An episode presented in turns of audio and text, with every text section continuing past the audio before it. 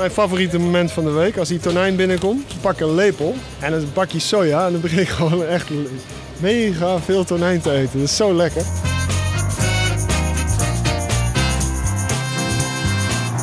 Dag mensen, ik ben Hiske. Welkom bij Chef. Man, hou op. Dat is wel, dat is wel topkwaliteit, hè? Jo, top. Ja. In deze super lekkere podcast ga ik uitgebreid in gesprek met de beste en meest invloedrijke Amsterdamse chefkoks. Dit gerecht heeft dus alles. Dus een zoetje, pittige van de dressing, het romige, een klein zuurtje. Eh, Sommige gasten zeggen, it hits all the buttons. It hits all the buttons, zeggen ze dat. Ik kook met ze en ik vraag ze het hemd van het lijf over hun vak, hun leven en wat ze zelf het liefst eten. Want hoe meer je weet, hoe meer je proeft. Zit er nog tonijn op mijn gezicht?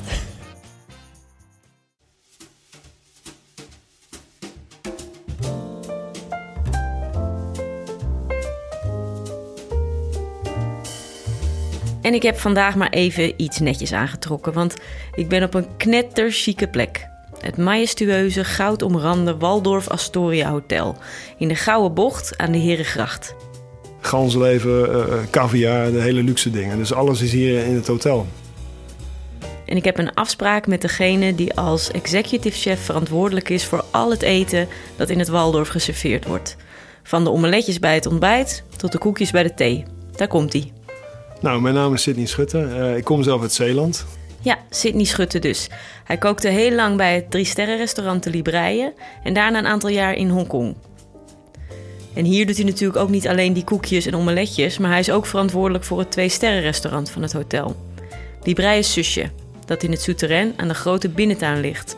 Maar vandaag zitten we niet in het restaurant, maar staan we in de keuken. Ook in het souterrain, maar dan aan de grachtenkant. Mensen die niet in het vak zitten, die een keer een dagje komen meekijken... of die zien hoe we werken, die zeggen jullie zijn helemaal gek. Jullie zijn helemaal gestoord. Sydney gaat een voorgerecht van zijn menu maken. Carabinero, dat is een soort uber-chique garnaal. Met rode puntpaprika, XO-saus, runderrib, watermeloen en gember. Ik mag het van de gasten niet van het menu afhalen, dus... eh, en ik vind het ook nog steeds lekker, dat moet ik heel eerlijk zijn. Over die eh, carabi- carabinero garnaal, wat, wat, eh, wat is dat eigenlijk voor een, voor een beest? Nou, die, eh, die vangen ze op 600 meter diep, voornamelijk in Spanje. Zijn heel erg duur, heel exclusief. In Spanje slaan ze elkaar de hersens voor in om, eh, om ermee te werken. Van alle garnalen is dit bij verre ja, de meest premium, de meest lekkere die je maar kan kopen. Ja, de allerchiekste garnaal. eh. Ja, dat is echt... Danny is carabinero zo aan het schoonmaken. Oh, even kijken. Ik ga even naar Danny. Oh ja, daar staat Danny. En Danny die staat... Hi Danny. Hallo, goedendag. Dit is dus een pannetje. Ja, Dat zijn er een heleboel. En die, die, die staart die kost ongeveer 9 euro per stuk. Dus kan je je voorstellen hoeveel geld hier in deze pot zit. zo. 9 euro per stuk. En ze zijn niet, eh, niet eens zo heel erg veel groter dan je huistuin- en keuken gamba's uit de vriezer. Maar wel veel mooier, eh, veel mooier rood. Een darmkanaal eruit snijden en dan eh, goed spoelen. En dan worden ze allemaal zo eh, klaargemaakt voor te pletten. En je legt ze dus tussen twee stukjes plastic en dan plet je ze met een, met een, met een pannetje. Nee, daar hebben we mooie pletters voor. In het begin hebben we een pannetje, maar dan gaan al je pannen van naar de kloten. Ik moest dat vroeger met een pannetje doen. We beginnen dus met een leeg bord. En daar komt eerst een laagje puree van paprika op. Dus gepofte paprika. Gewoon op de, de, op de vlam zeg maar, doen we ze poffen en dan doen we ze pellen. En dan doen we die eh, vlees eraf halen en doen we pletten. Oké, dus er ligt een eh, mooi rondje van paprika op het bord. En ehm, dan maken we een beetje, die, die pletten we zo dat we een beetje een tijgermotief krijgen. Dus die pletten we helemaal plat. En dan doen we zeg maar uit elkaar drukken dat het een tijgermotief krijgt. Ja, je ziet het bord er een beetje doorheen. Ja. Dan eh, heb ik hier blokjes watermeloen. Die zijn ingezuurd in het sap van gember. Dus eh, ingezuurde gember. Dan doen we sappen. Dus eigenlijk in principe wat je hebt dan is een gemberazijn. En het blokjes watermeloen doen we daarin eh, in marineren. Dan doen we vier blokjes in, op het bord. Dan doen we eentje extra. Dat die de watermeloen is natuurlijk ook rood. Dus je hebt nou rode blokjes op een eh, rode puree. Ja. En dan heb ik hier zo. Heb ik, eh,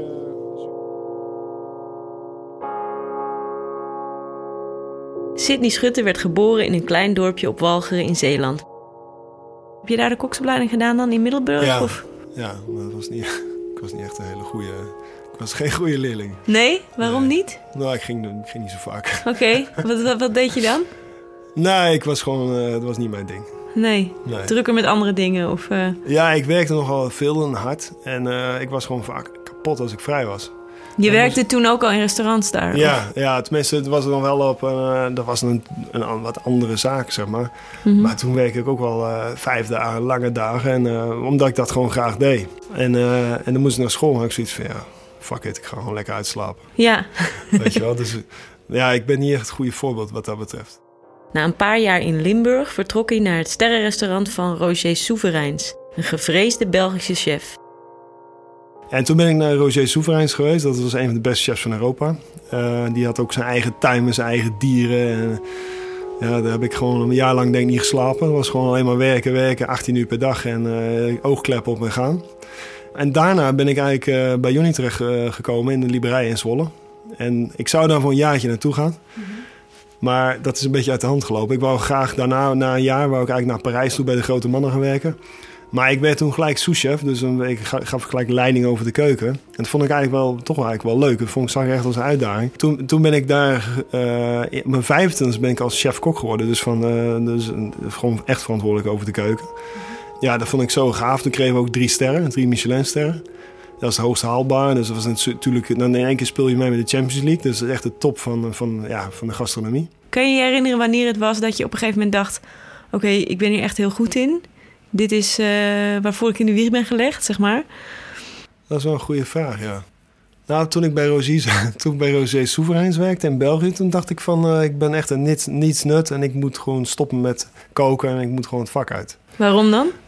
Ja, op een gegeven moment ben je zo kapot, zo kapot eh, van het werken. Dus 18 uur per dag. Dus 's morgens stond ik de ingewanden van een verzand eruit te trekken om 8 uur 's morgens. Dat ik echt dacht van, eh, ja, is dit het nou, weet je wel? Dat je gewoon echt, die kan bijna niet uit je ogen kijken omdat ze gewoon te moe zijn om open te staan. En, en toen ben ik naar de Liberij gegaan en op een gegeven moment gaat dat zo lekker, weet je. Dus in een soort flow zet je dan. En, en ja, je staat in alle gidsen, sta je goed en je krijgt allemaal goede waarderingen en zo. En dan denk je op een gegeven moment van, ja, volgens mij eh, gaat het wel goed komen. Ja. Ja. Heeft dat ook te maken gehad met hoe, of dat Johnny Boer een ander soort baas was dan, dan Ja, Soevereins? natuurlijk, Of- absoluut. absoluut. Eh, Soeverein zegt van de oude garde, die, eh, ja, die accepteerde niks. Dan kon je van de vloer eten, die vloer was zo schoon. En eh, ja, er was gewoon één grote... Ja, ik denk de marine was er niks bij, Mhm. dus daar ben ik er eerlijk in. Eh, en bij Jonny was het gewoon allemaal veel meer op gevoel en op emotie. Wat de gasten belangrijk vonden. En dat, dat soort dingen vond hij allemaal niet, meer, niet belangrijk, minder belangrijk. Dus hij zat veel meer, oké, wat komt er op bord? En hoe het op bord komt, dat maakt allemaal niets veel uit. Mhm. Als het maar goed op bord komt. En bij Rosé, Rosé was het gewoon vanaf dat je binnenkomt tot dan dat je weggaat, moet alles perfect zijn. Ja, Maar niet alleen wat op bord ligt, maar ook gewoon hoe je werkt, hoe schoon het is, eh, met je bestellingen. Je mocht geen euro te veel uitgeven, alles. En Ja. dat was gewoon, ja dat, eh, ja, dat was gewoon wel heel pittig. kun je je het eerste gerecht herinneren dat je zelf hebt verzonnen waar je echt heel tevreden over was? Ik kan me nog heel goed herinneren dat, eh, dat ik had toen in de Liberijen, dat is al lang geleden hoor, dat is, toen had ik een gerecht met ganslever en oester. En als je ganslever en oester combineert, dan is dat, is dat, gaat wel goed, maar dat is niet top. En eh, ik had al zoiets van, ja, dat, dat kan Wat niet. mist er dan normaal gesproken? Ja, als je die het gewoon... lever is iets te, te plat. Ja, ik weet niet hoe het uit moet leggen, maar die lever is te plat. Die oester heeft dat, eh, dat, dat ziltige en zo. Dus die lever moet je eigenlijk gaan marineren. Eh, Die mist een beetje bite of zo, om tegen die oester ja, te... die moet zeg maar, die, die deden we toen marineren met een beetje sake en, en heel klein beetje brandy volgens mij. En in één keer gaat hij dan wel heel mooi bij die oester. Dus dan deden we dun snijden en dan deden we gewoon zouten. En dan ging daar een klein beetje sake en, en eh, voor mij brandy, ik weet niet zeker meer, ging er overheen. En als je het dan proeft, dan in één keer, dan klopt dat. En, en dat was toen eigenlijk zo'n goede combinatie. was met venkel en poeh, er was ook een soep met ganslever on the side. Met eh grote paling volgens mij. Blokjes grote paling, macfin of zo. Maar die, die, lever met die eh, oester, dat blijft, blijft heel lang bij, die ganslever en die oester omdat dat vond ik zo'n mooie combinatie. Terwijl als je hem zo proeft, dan je zoiets van, ah, ik weet het niet.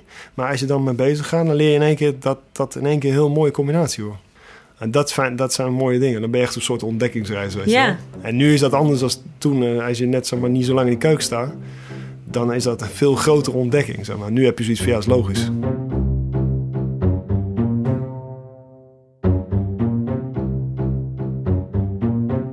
Zei van toen je naar school ging dat je niet eh, dat je 's ochtends in bed wilde blijven liggen of dat je er niet zo'n zin in had of zo. Dat is er natuurlijk goed uitgestampt bij, bij dat soort eh, topzaken. Nou, wat, ik wel wat ik geleerd heb, is dat alleen talent kom je niet. Dat is echt wel wat ik geleerd heb. En ik heb zoveel mensen gezien die heel veel talent hebben. En dat ik dacht van, nou, dat wordt echt een topper, maar die gewoon dis- discipline niet hadden. Ik heb echt het idee dat met discipline verder komt als met talent. En Want in dit vak heb je gewoon discipline nodig om iedere dag weer eh, ja, ervoor te gaan. En iedere dag weer in die keuken te gaan staan en te gaan staan rammen. Want het, tempo is heel hoog. Mensen die niet in het vak zitten, die een keer een dagje komen meekijken of die zien hoe we werken, die zeggen over jullie zijn helemaal gek. Ja, Die zijn helemaal gestoord. En dat is ook zo. Dat is geen fabeltje. Mensen zeggen, het wordt tegenwoordig op tv wordt heel erg geromantiseerd, zeg maar, dat hele vak. Dus alsof we allemaal zoals Jamie Oliver een, limoen over een salade heen uit staan te knijpen zo. Maar in het echt is dat toch wel heel, heel anders. Dat is gewoon, eh, ja, gewoon rammen. Ja. Gewoon hoog tempo draaien en gewoon zorgen dat je op tijd klaar bent voordat de gasten binnenkomen. Maar dat moet ook, je moet daar op een of andere manier ook wel op kicken of zo. Als je dat al zo lang doet. Ja, maar ik, ik heb, sommigen kunnen niet tegen die druk. Maar er zijn, ik zie ook vaak genoeg, gelukkig een heleboel je wel tegen kunnen. En dan heb je ook geen moeite mee. Dan is gewoon even, even doorwerken. Zo, zo noemen we dat ook, gewoon even doorpakken. Wat zijn dingen die je... Je hebt twaalf jaar bij Johnny Boer gewerkt. Wat zijn dingen die je van hem hebt geleerd...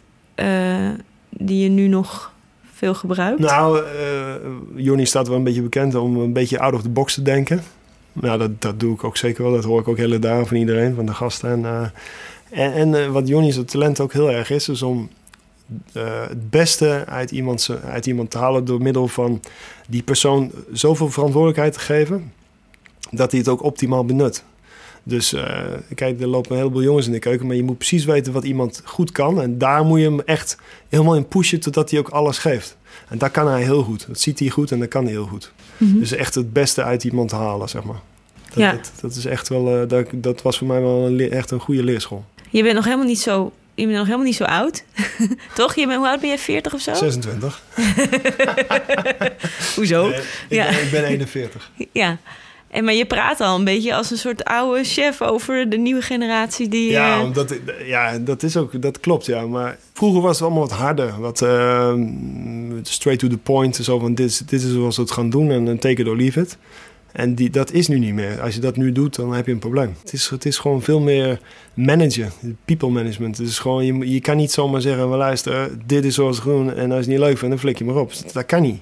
Vroeger was dat toch, het was niet extremer, eh, heel extreem, maar het was wel een beetje zo. Zo, maar luister, dit is wat het is. En anders dan, eh, ja, gaan Ja. we lekker ergens anders werken. Maar is dat een... Je, je hebt het er een beetje over alsof je het een soort van verkeerde instelling vindt of zo. Als je in restaurants wil werken, dat het... Dat, weet je wel, dat je zo gemanaged moet worden. Of Ja, dat, Eigenlijk is het wel prima. Je moet ook met de tijd meegaan. Ik bedoel, eh, in, in de keuken is sowieso al een bepaalde hiërarchie. Dat je mensen die niet in het vak zitten, die hebben al zoiets van... wow, het is wel best wel serieus. Je werk bestaat zeg maar 80% koken en 20% uit eh, eh, calculeren en menus maken en dat soort dingen. Maar nu zit er ook nog een heel stuk management bij. Gewoon van hoe stuur je de mensen aan. Dus je moet wel echt de tijd nemen om iedere keer ja, een beetje te kietelen en te masseren. En zodat ze wel lekker in hun vel zitten en dat ze wel Ja. happy zijn. Maar kun je driftig worden ook zelf in de keuken? Ja, dat... dat de- Ben je een, ben je een boze kok, zeg maar, die met dingen gooit? Nee, eh, nee, nee, nee dat, eh, dat, eh, dat heb ik heb wel, wel gehad. Vooral toen ik jonger was, maar het is vaak ook onmacht. Omdat je gewoon, soms dan loopt het uit de hand en dan heb je er zelf gewoon geen controle op, omdat het gewoon te druk is. Maar nu is dat gelukkig niet meer. Nee, dat, dat, heel af en toe wel een beetje boos, maar niet, eh, niet schreeuwen. Of, eh, daar heb, daar heb ik, ik heb er ook geen zin meer in. Dan, dan, is echt een, dan merk ik gewoon dat ik zelf niet goed heb gedaan. Ja, Dan heb ik zelf te laat gezien dat er iets fout gaat of wat nou. Het is gewoon, ja, het is verkeerd gemanaged, zeg maar. ja.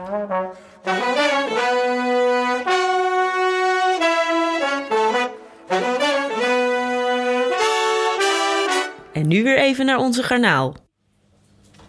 Dan heb ik hier zo heb ik, eh, een zure room, dus crème fraîche, met ehm eh, XO, XO crème doorheen gedraaid. De XO saus. Het zit in een spuitzak en dat spuit zit nu op het bord. Vijf Ja, blubjes. Vijf dotjes. Na de paprika en de watermeloen komt nu XO-crème op het bord. XO-saus is een beroemde en ingewikkelde Chinese saus. Het is een saus die ik heb geleerd in Hongkong. Ehm, het is niet echt een saus, het is meer een soort kompot. Er zit eh, gebakken ham erin, gebakken garnalen. Is uh, gedroogde kokkies. Het is een, een hele uh, rijke umami smaak, zeg maar. Het is, het is niet alleen seafood, er zit ook vlees in. Ja, sterke, rijk smaak. Het is, ehm, ja, het is een gedroogde schaldiersmaak, maar dat is een beetje moeilijk om uit te leggen hoe dat smaakt. Maar dat is wel, ja, het is echt lekker. In Hongkong gebruiken ze echt als een condiment voor iets aan een gerecht toe te voegen om het een beetje op te spijzen. Maar het is zo lekker, ik eet het meestal gewoon zo.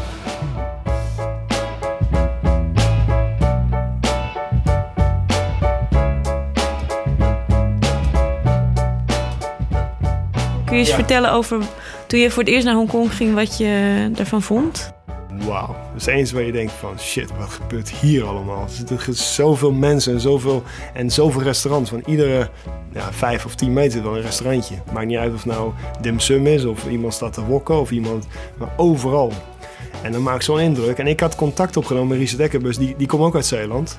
En toen had ik hem gewoon benaderd en gezegd van kan ik een dagje meekijken in je keuken? En zo ben ik daar terechtgekomen. Dus toen heeft hij later heeft hij mij een baan aangeboden en zo ben ik daar terechtgekomen. Ja, een ontzettend goed hotel. Dat is uh, Mandarin Oriental. En er zit restaurant Ember in, dus echt wel de top van Azië. En wat was dat voor keuken? Was dat heel anders dan wat je kende? Nou, Franse keuken. Dus, ik zal niet, het is een moderne Franse keuken, maar wel heel veel klassieke basis. En dat was voor mij ook wel mooi, want dat is uiteindelijk wat ik ook wel uh, wou leren, zeg maar, toen in Parijs. En Richard is chef geweest bij de grote man in Parijs. Dus in principe heb ik alsnog die baas meegekregen. Dus ja, ik heb de, toen was ik al 35 en toen zat ik nog steeds in die leerschool. En dat merk ik vaak met de jonge koks, dat die, die op 22 wil ze chef worden.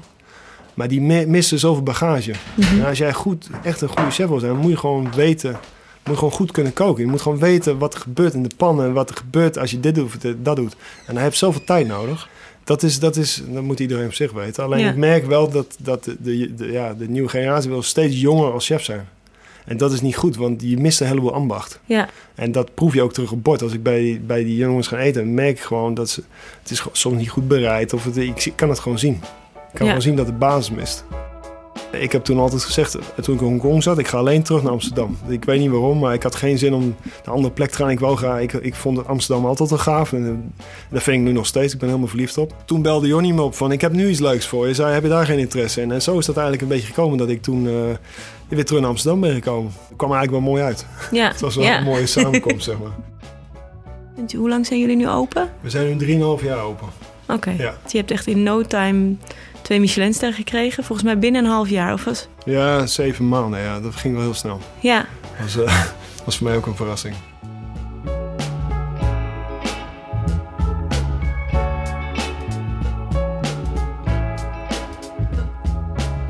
Vijf brugjes. Vijf dotjes. En dan heb ik hier een crème van de koppen van de Carabinero. Er is eigenlijk maar één kanaal. Dat is de, dat is de Carabinero. Dat is een diepzeekanaal. Die heeft in zijn hoofd heeft een soort... Het lijkt een beetje op uh, een zwezerik. Er zit, zijn kop zit helemaal vol met hersens zou je zeggen. Maar dat is dus zeg maar de, de, de korij zeg maar. Daar maken we een crème van.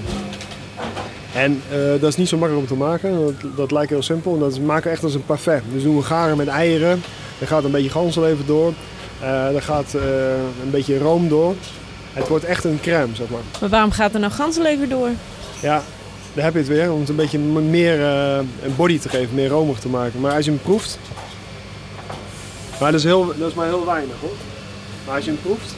Maar dat is typisch die... Ja, dat is echt een beetje die kalkige Ja, koppensmaak. Maar wel, wel het zoetige ook erbij. ja. Dus niet dat, eh, niet dat het... eh, het kan ook af en toe een beetje zo ammonia-achtig ja worden. en dit kan is- heel dominant zijn. Maar dat is deze. Dus ik doe er een klein beetje merine in. Ook, merine. Dat is ook... eh, en de ganslever om het een beetje dat scherpe eraf te halen.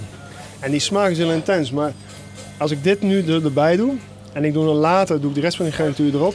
En dan proef je iedere keer dit een klein beetje terug.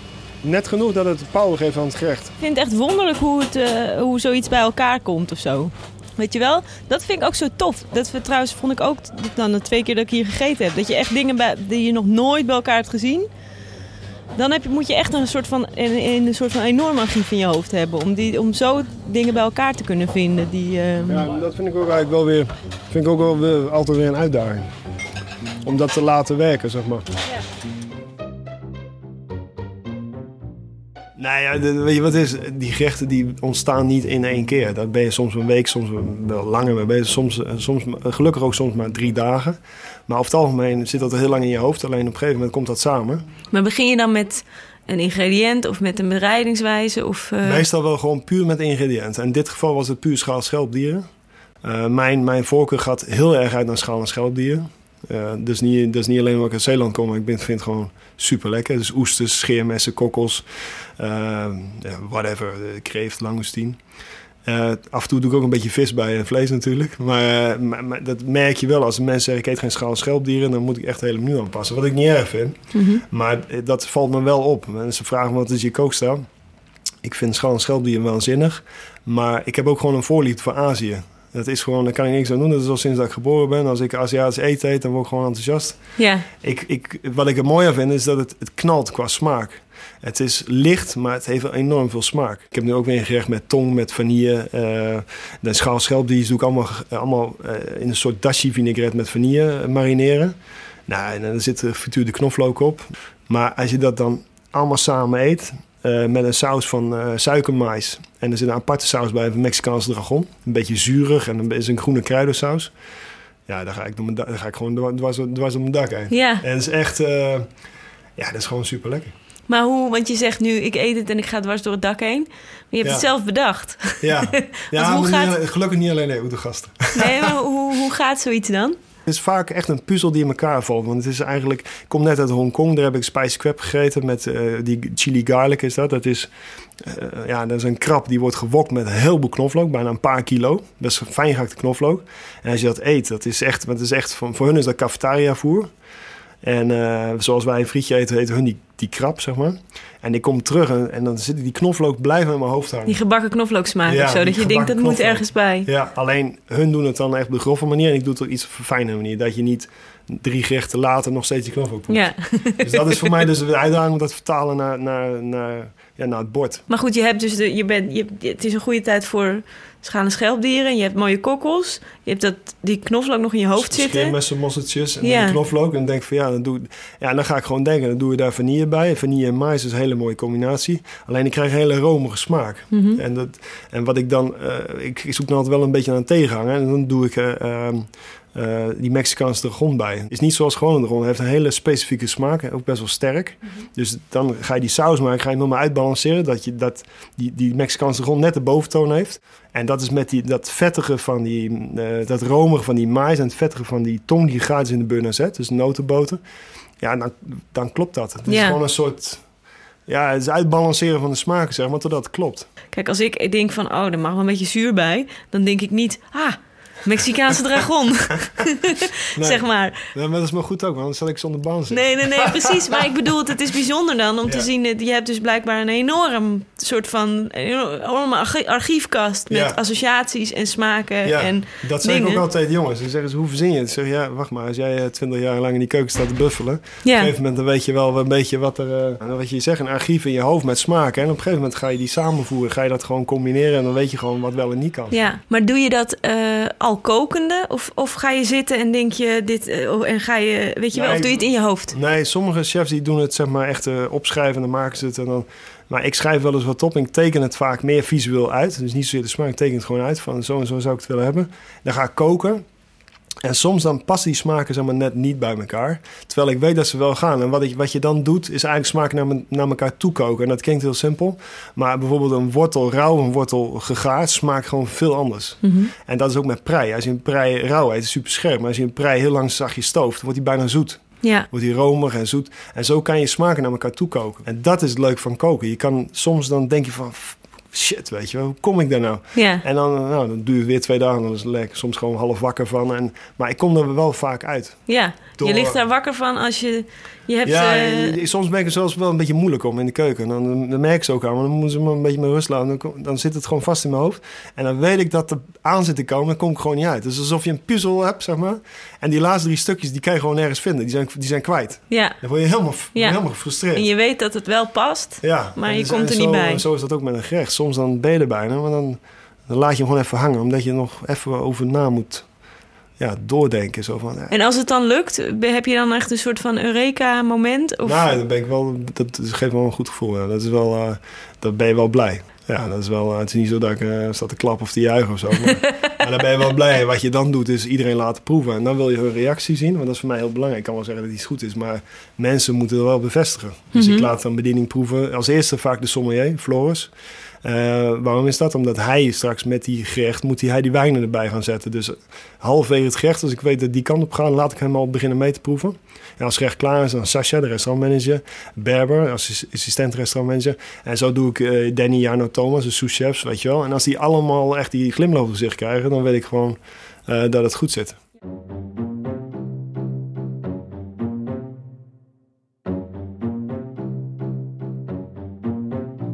Maar dan gebeurt er iets. De visboer brengt op een roltafel een bluefin tonijn binnen. Even gelu- Er komt nu een tonijngraad af. Oh, een tonijngraat. Er komt een konijn. Dat is wel leuk dat jullie dat meemaken. Oké. We gaan nu gewoon even lekker sashimi eten, rechtstreeks van de graad. Dit is zeg maar wat er over is van Ja. Die vis dat die is- is eerst naar het Okura geweest en die komt nu naar het Waldorp. Nee, nee, zo is het niet. Nee, ze snijden die, eh die, die vlees zo snijden ze eraf en die doen ze in de vriezer. Ah, oké. Die doen ze op min, die doen ze op min 60 invriezen.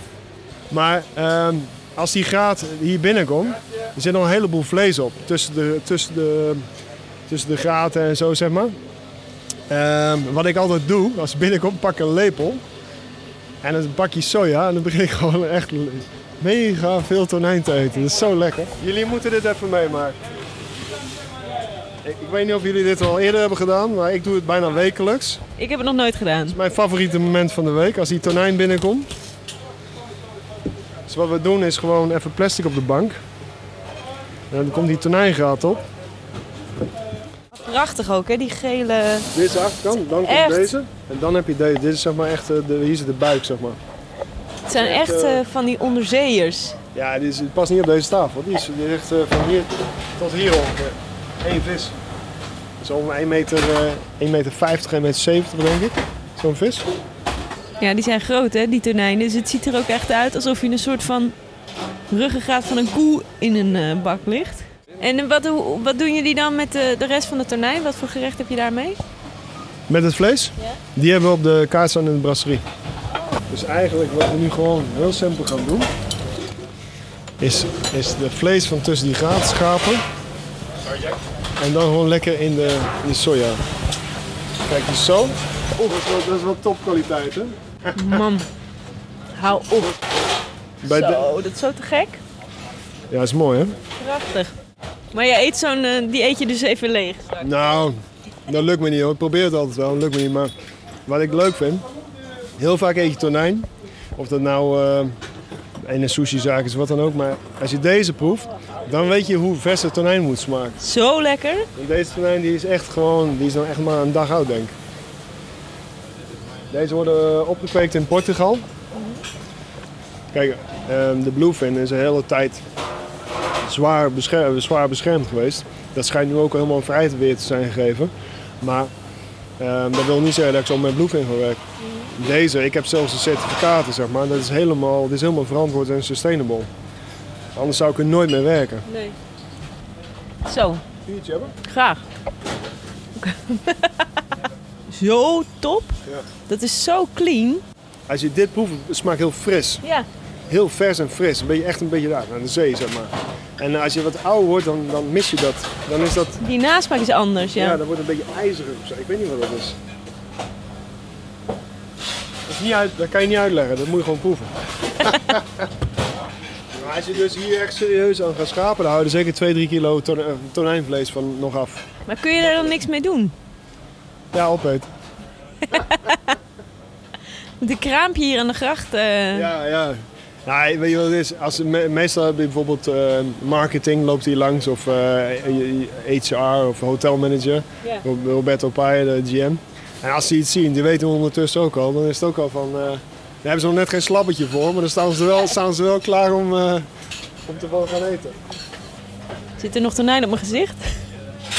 Dat is radio, hè? Dat zie je allemaal niet. Hetzelfde. Dat is voordeel van de Ja. radio. Oké, dus ehm, Er komt nu een, eh, een pannetje aan. Ja, dit is een pannetje. Dit is dus de short whip, dus de, de, het pianostuk zoals we het Nederlands noemen. Die wordt gegaard en die doe ik aanmaken. Het is gewoon echt zoals een rendang die doe ik aanmaken met gember. Ja, je ruikt je gember. Ja, en eh dit is helemaal draadjes, helemaal losgeroerd. Dus als we vlees plukken van, van het bot af, dat er geen vlies en zenuwen in zitten. En dan pakken we een gaar en roeren we hem echt door. Dus dat je echt een soort prutje krijgt, zeg maar. Ja. En dan doe ik zo op die zure room, met die XO, doe ik wat dotjes. Je gebruikt een soort, eh, een soort groot pincet, hè? Ja, dat is echt iets wat, eh, ja, wat bijna onmisbaar is nu in de keuken.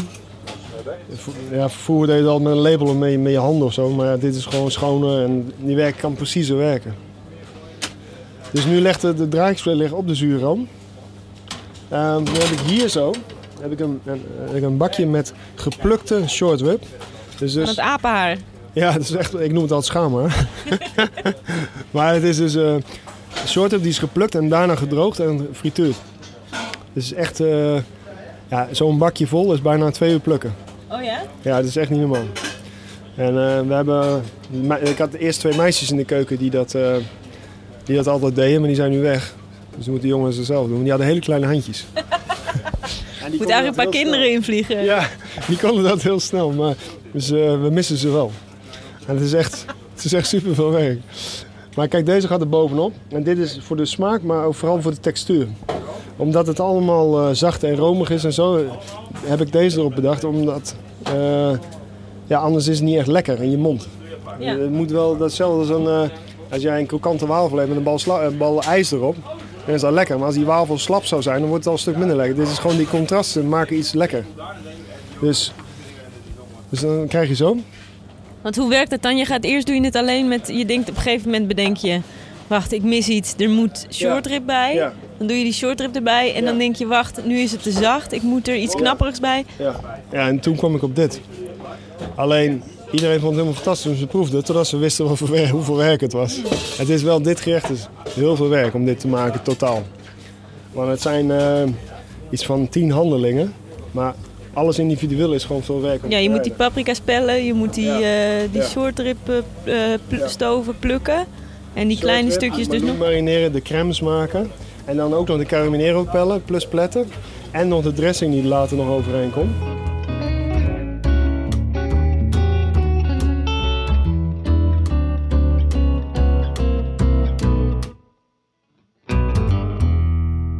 Het koksleven is hard, zeker aan de top.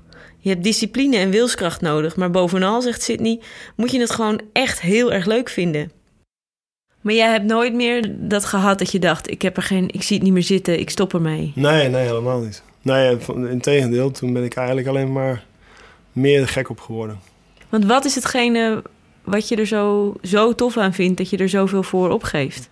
Nou, ik, draai het vaak die vraag om. Want eh, ik zou eerlijk gezegd niet weten wat ik anders zou willen gaan doen. Ik, er zijn maar weinig dingen die me voor de rest interesseren. Waar ik denk van, nou, dat, dat lijkt me ook mooi om als vak dan te gaan doen. Zou ik eerlijk gezegd niet weten. Ik, ik ben helemaal gek van eten en drinken. Ehm, ja, dus dat is, blijft gewoon, dat is dit gewoon ja, een beetje gekte, noem ik het wel een beetje. Dus je bent echt helemaal gek van het vak. Ja, En eh, dat moet ook. Anders dan, dan red je het gewoon niet. ja. Je ja. moet gewoon anders is het te van- zwaar. Ja. Ja, je moet gewoon houden van dingen eten klaarmaken. En soms in het weekend... Als... En de liefde voor koken die houdt niet op als hij de deur van zijn restaurantkeuken achter zich dichttrekt. Die gaat door als hij thuis is. Ik, ik heb nu net een, een appartement gekocht hier, dus ik heb, er zit nog geen keuken in. En dan merk ik gewoon, dan baal ik van. Normaal koken in het weekend ook gewoon lekker voor vrienden of gewoon voor z'n tweeën. En dat vind, dat is gewoon, vind, vind ik ook leuk. En dan denk ik de hele week eh, sta je in de keuken en dan in het weekend doe je nog. Maar dat gaat wel heel anders hoor. Een fles wijn erbij en een shallotje snij je normaal een paar seconden, maar dan duurt het gewoon vijf minuten bij wijze van. Oh ja, een beetje kletsen erbij. Ja, Ja, dat is echt heel anders. Maar dat is gewoon, dan vind ik, dat is gewoon, het is gewoon, je vindt het gewoon leuk. Dat zit gewoon in je. En kook je dan anders? Wat kook je dan zeg maar aan, aan, aan, aan dingen? Ja, echt van, echt van alles. Dus echt eh, vanaf eh, lekkere wraps, weet je wel, van die heerlijke wraps met kokante kip erin, tot eh, eh, ja, een buff bouillon bijvoorbeeld, dus gewoon een lekker stoofvlees. Eh goede goulash of eh, gewoon een gebraden kip. Echt, echt van alles, maar gewoon simpel. Gewoon Nee, echt, je gaat eh, geen, geen, geen eh, zes gangen koken thuis. Nee, nee, Nee. nee. dat heb ik wel gedaan, maar op een gegeven moment eh, heb je zoiets van, ja, waarom zou ik het eigenlijk doen? Ik kwam een vrienden eten en dan stond je de hele dag stond je in de, koken, in de keuken en dan stond je, terwijl ze er waren, zat je ook nog in de keuken. Je vergeet eigenlijk waar het eigenlijk echt om gaat, dus met je vrienden aan tafel zitten. Ja, Dus dat, dat doe ik niet meer. Het is Ja. echt, eh, nu hou ik het gewoon heel simpel. Wel lekker, maar gewoon simpel. Ja. kom je uit een, eh, uit een heel eterig eh, gezin? Met veel... Ehm, nee, niet zozeer. Het is niet zo dat mijn moeder of mijn vader zeg maar, in de horeca zit of zo. Nee, dat niet. Niet, ook niet eh, dat jullie uit eten gingen met elkaar? Of, eh, Jawel, dat deden we regelmatig. En dan ging dat was voor mij het mooiste moment van, van de week, zeg maar. En dat, en dat was niet eens een sterrenzaak of zo, maar dat vond ik gewoon genieten. ja, wat vond je er dan bijzonder aan? Ja, gewoon lekker eten. Gewoon genieten van lekker eten. Ja. En dan gewoon met z'n allen aan tafel. En, eh, en dat heb ik nog steeds. Ja, Als ik op vakantie ga, mijn vakantie eh, wordt eerst gekeken waar, waar er goed eten is. En dan boek ik alles omheen. Ik, ik ben laatst naar, eh, was nou Costa Rica geweest. Mhm. Ja, prachtig land, alles mooi, alles leuk, maar het eten was gewoon niet goed. Ik, dat, ik was voor mij gewoon eigenlijk na vijf dagen was ik eigenlijk al klaar mee. Terwijl het land echt prachtig, eh, prachtig is, ja.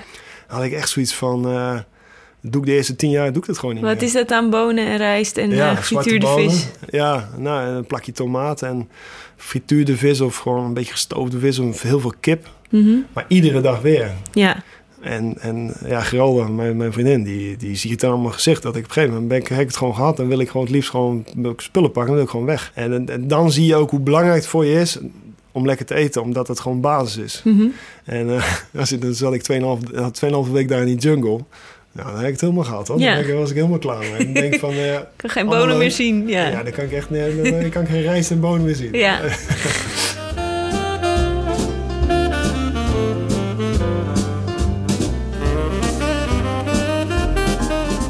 Als je zelf uit eten gaat, heb je daar wel eens tijd voor? Ja, ja, zeker. Waar ga je dan heen? Als ik naar Amsterdam ga eten, ik vind eh, Café Caron, dat is mijn, dat is echt, vind ik helemaal fantastisch. Eh dus van die zaak is van Alain Caron met zijn zoons. En eh Gebroeders Hartering vind ik ook een hele leuke zaak. Ja, zo zijn er eigenlijk wel een heleboel. Ik bedoel, Niet in Amsterdam, maar gewoon wereldwijd. eh, Als je vanavond ergens zou mogen gaan eten. Eh, ik vind Ul- Ultraviolet in eh, Shanghai van Paul Perret. Dat vond ik toch wel dat ik denk van wauw. En dat is, het is niet echt een restaurant, het is een tafel van 10 personen. Het is echt een experience. Kost ook een godsvermogen om daar te gaan eten. Ik denk iets van 800 euro per stoel. Maar dan val je wel van je stoel af. Ik, ik heb daar toen gezeten. Eh, ik heb de hele avond geen woord gezegd. Het is echt eh, 3D, hè? dus de muren bewegen en alles, de geur. En het is echt een heel. Het is, het is niet alleen het eten, het is echt een beleving. Alsof je in een soort eh, attractie zit. Zo. En die, eh, ja, het eten was ook echt wel, naar mijn idee, drie sterren plus. Wat is dan iets wat je je herinnert van dat je daar gegeten hebt? Nou, hij heeft, eh, hij heeft een, een klassiek Frans gerecht. Paul Perret is natuurlijk een Franse chef die al heel lang succesvol is in Azië, in Shanghai. Mhm. En hij heeft een klassiek Frans gerecht. Dat is eh, toast, eh, sorry, stokbrood, getoast met eh, truffel en zoute, gezouten boter. Nou, dat klinkt wel heel erg simpel, maar... En hij doet het dan op een, een bepaalde manier, dus op een, ja, zoals ik dan noem, fine dining manier. Dus hij doet iets gefine-tuned en iets dat het niet zo grof is, zeg maar. En dan had hij daarnaast nog een gerecht staan, dus twee dezelfde gerechten. Alleen totaal iets anders. Maar als je het ziet, denk je, dat staan gewoon twee dezelfde gerechten. Mhm. En het is, het is, alles wat hij daar doet is heel erg eh, is waanzinnig lekker. Maar het is ook nog eens een keer dat ze met je van alles, met, met je zintuigen, met je, ze houden je een beetje voor de gek. Ja, En Ja. dat is wel, eh, het is een beetje wel next beetje level. mindfuck-achtige Ja, eh, ja. gerechten. Ja, dus dat je denkt van, fuck, godverdomme. Had ik dat maar bedacht. Ja, wat een lul. Waarom, waar- waarom doet hij dit? Nu leg ik weer vannacht de hele nacht wakker. Ja. Ja. Even terug naar de keuken. Nu komt de dressing erbij. Een umami-bommetje noemt Sydney die. Dus nu gaat de dressing erop. Dit zijn van die dressings, dat noem ik umami-bommetjes. Umami-bommetjes. Ja. En als je het proeft, dan begrijp je wel wat ik bedoel. Zit ook boter in, of niet? Ja. Best wel veel. Lekker. Boter. Ja, Burna zet ze erin. Geen Ja. ja. Ja, is ook boter, maar ik bedoel... En wat zit hier nou nog meer in? Ja, er zit een, er zit een heleboel in. Eh, een klein beetje soja. eh, limoensap. Gember. eh, dashi. Het zijn allemaal wel smaken bij elkaar die ervoor zorgen dat hij echt dat, dat rijk heeft. En gaat dit schrift of blijft dit zo mooi? Hij gaat splitten, ja. En wij doen, voordat hij mee gaat, doen we even staven. Dus met een staafmixer erin, dat, hij mooi uh, geëmulgeerd is. En dan gaat hij er een heel klein beetje gaat er overheen. Niet te veel. Die is heel, eh, maar die blijft ook lang hangen. Ja, dat is echt zo'n gong. Ja. En dat noem ik altijd umami-bommetjes. En na het laten vallen van dit umami-bombardement is Sydney Schuttersgerecht klaar. Onderop de paprika, de exocrème, de watermeloen met gember en de shortrib, knapperig en zacht. Daaroverheen is de geplette garnaal gedrapeerd. Klein beetje, klein beetje zout om die caraminero op smaak te brengen. Het is een mooie oranje saus. En dan heb ik hier zo een klein beetje eh korij, gedroogde korij. En dit gerecht staat er echt al 2,5 jaar op menu. Maar wat, wat is, dit is korij dan van, van, Van, van, van de de carabinier? Oké. Ja. En die doen we erover, maken poeien van. En Dat dit, is hetzelfde wat ook in die, in die crème zit. en dit, dit, is, eh, dit is het gerecht. Dit smaakt naar, naar, naar tomaat. Of dit is echt alleen maar korij. Nee, dit is een korij met, gemengd met tomaat. Oh, met tomaat. Ja, dus ja, voor de kleur, want anders is die helemaal grauw. wel dat wit. Het ziet er heel eenvoudig uit, omdat het dus ook wit en rood is. Op een wit bord.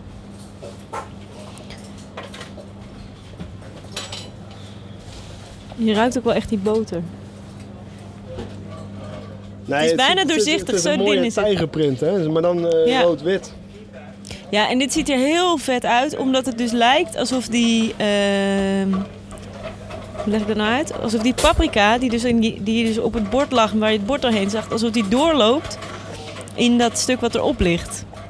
Ja. En dat is heel cool, want dat is precies dezelfde kleur. Maar je bedenkt niet die paprika van, oh ja, dat is dezelfde kleur, dat staat mooi. Nee, nee, nee, nee, want eh, dat, dat, is, dat is gelukkig wel samengegaan. Nee, dat, de, kleur, de, dus kleur en de dingen vind, is wel ondergeschikt aan de smaak. En ik heb die paprika erbij gedaan omdat het een, een zoetje heeft. Nou ja. Nou ja, dat is boffen dan, dit soort dingen. Ja, pofte rode paprika heeft echt dat zoete. Maar dit gerecht heeft dus alles. Het heeft dus een zoetje, het heeft eh, het pittige van de dressing, het heeft het romige, het heeft een, eh, een klein zuurtje, straks ook in de dressing. Eh, dit heeft alles in één gerecht. Dat is ook, ook vaak van gasten. Dit, dit, dus sommige, sommige gasten zeggen, it hits all the buttons. It hits all the buttons, zeggen ze dan. Dat is wel heel leuk eh, om te horen. Ja, het is echt prachtig. Dus ik zou zeggen, uh, proef even. Yes. Ja. Wil je even de microfoon vasthouden? Ja, een beetje... Je krijgt ook zo'n hele verrassende kleur, dat gefrituurde rundvlees. Ja, hè? Het wordt echt een beetje... Ik- beetje ik het paars. Het is, een, het is ook een beetje een cadeautje. Want ieder- iedereen denkt, wat zit er allemaal onder? Ja. Er is best wel, zit er het een en ander onder. En eh, ik noem het het gerecht zelf. Mm. Het ziet er altijd uit als een roadkill. En ik heb het door Nieuw-Zeeland. Ik leg er altijd van die platgereden bevers zeg maar, op de weg. Nee, dankjewel. Maar ja, het, het, is, het heeft gewoon allemaal rood en wit. Een roadkill met schaamhaar. Een rood, een roadkill met schaamhaar. Dat is wel een lekkere. Mm. Ja, het is heerlijk. En er zit ook een heel klein beetje pit, maar dat zit, ook in die, zit dat in die dressing? Ja, dat zit in die dressing. Ja. Dat zit alleen in die dressing. Dus niet, eh niet alledaags gerecht, hè? Het is zo'n gerecht waardoor je eigenlijk een beetje uit evenwicht wordt gebracht. Omdat alles zo vanzelfsprekend fantastisch en gebalanceerd bij elkaar smaakt, terwijl je zelf nog nooit zoiets hebt geproefd. Dat is echt hogere kookkunst. Maar het is inderdaad, je merkt heel erg hoe goed dingen bij elkaar aansluiten of zo. Op een of andere manier dat je dus die garnaal, die smaakt naar garnaal, maar die heeft ook, doordat die dus zo platgeslagen is, die, juist doordat, die, doordat dat vlees erbij zit, proef je die garnaal beter op een of andere manier. Of Ja. die, eh, in, in plaats van... Ja, want die garnaal is best wel intens. Ja. Die is heel sterk. Ja. Maar omdat je hem plat slaat en je doet hem eroverheen, wordt die garnaal zelfs een beetje romig. Ja. En eh, want als je die granaal zo, als je die zeg maar, door de midden zou snijden en zou hem zo eten, dan zou je denken, wow. Maar daarom kan dat weer, zeg maar. Daarom kan het wel weer.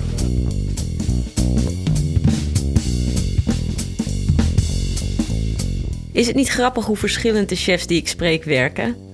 Joris Beidendijk, Leonardo Pacenti en Sidney Schutte zijn mannen met hetzelfde beroep. Allemaal getalenteerd en succesvol. En toch voeren ze hun keuken op een bijna onvergelijkbare manier. Sprak ik met Joris over focus en herkomst en met Leonardo over traditie en improvisatie. Sidney heeft me juist weer van alles geleerd over het creatieve proces. Over het met veel moeite en denkwerk in elkaar timmeren van compleet nieuwe combinaties. En over twee weken spreek ik iemand die er weer helemaal anders in staat. Dan ben ik op bezoek bij Yvette van Boven. Zij was chef en eigenaar bij restaurant aan de Amstel. En ze is beroemd receptenschrijver, kookboekenmaker en televisiepresentator. Zij maakt gnocchi van wortelgroenten uit haar groentela met walnoten dragonboter. Om thuis na te koken. Dit was Chef. Heel veel dank aan Libreie Susje en Sydney Schutte. Deze podcast werd geproduceerd door Volkert Koelhoorn en Anne Janssens van Dag en Nacht Media. Momkai maakte het artwork en ik ben Hiske Versprillen. Chef is het platform waar we chefkoks aan het woord gaan laten en binnenkort hoor je meer. Heb je lekker geluisterd? Laat dan een review achter op iTunes, Stitcher of waar je je podcast dan ook vandaan haalt. Je kunt me een bericht sturen op hiskeversprillen.gmail.com. Onze website is chef.amsterdam. Oh, en op onze sociale kanalen vind je inmiddels ook allerlei leuke extra's, zoals het recept voor de spaghetti AOP van vorige keer. En voor nog meer leuke podcasts, check dagennacht.nl. Tot de volgende keer.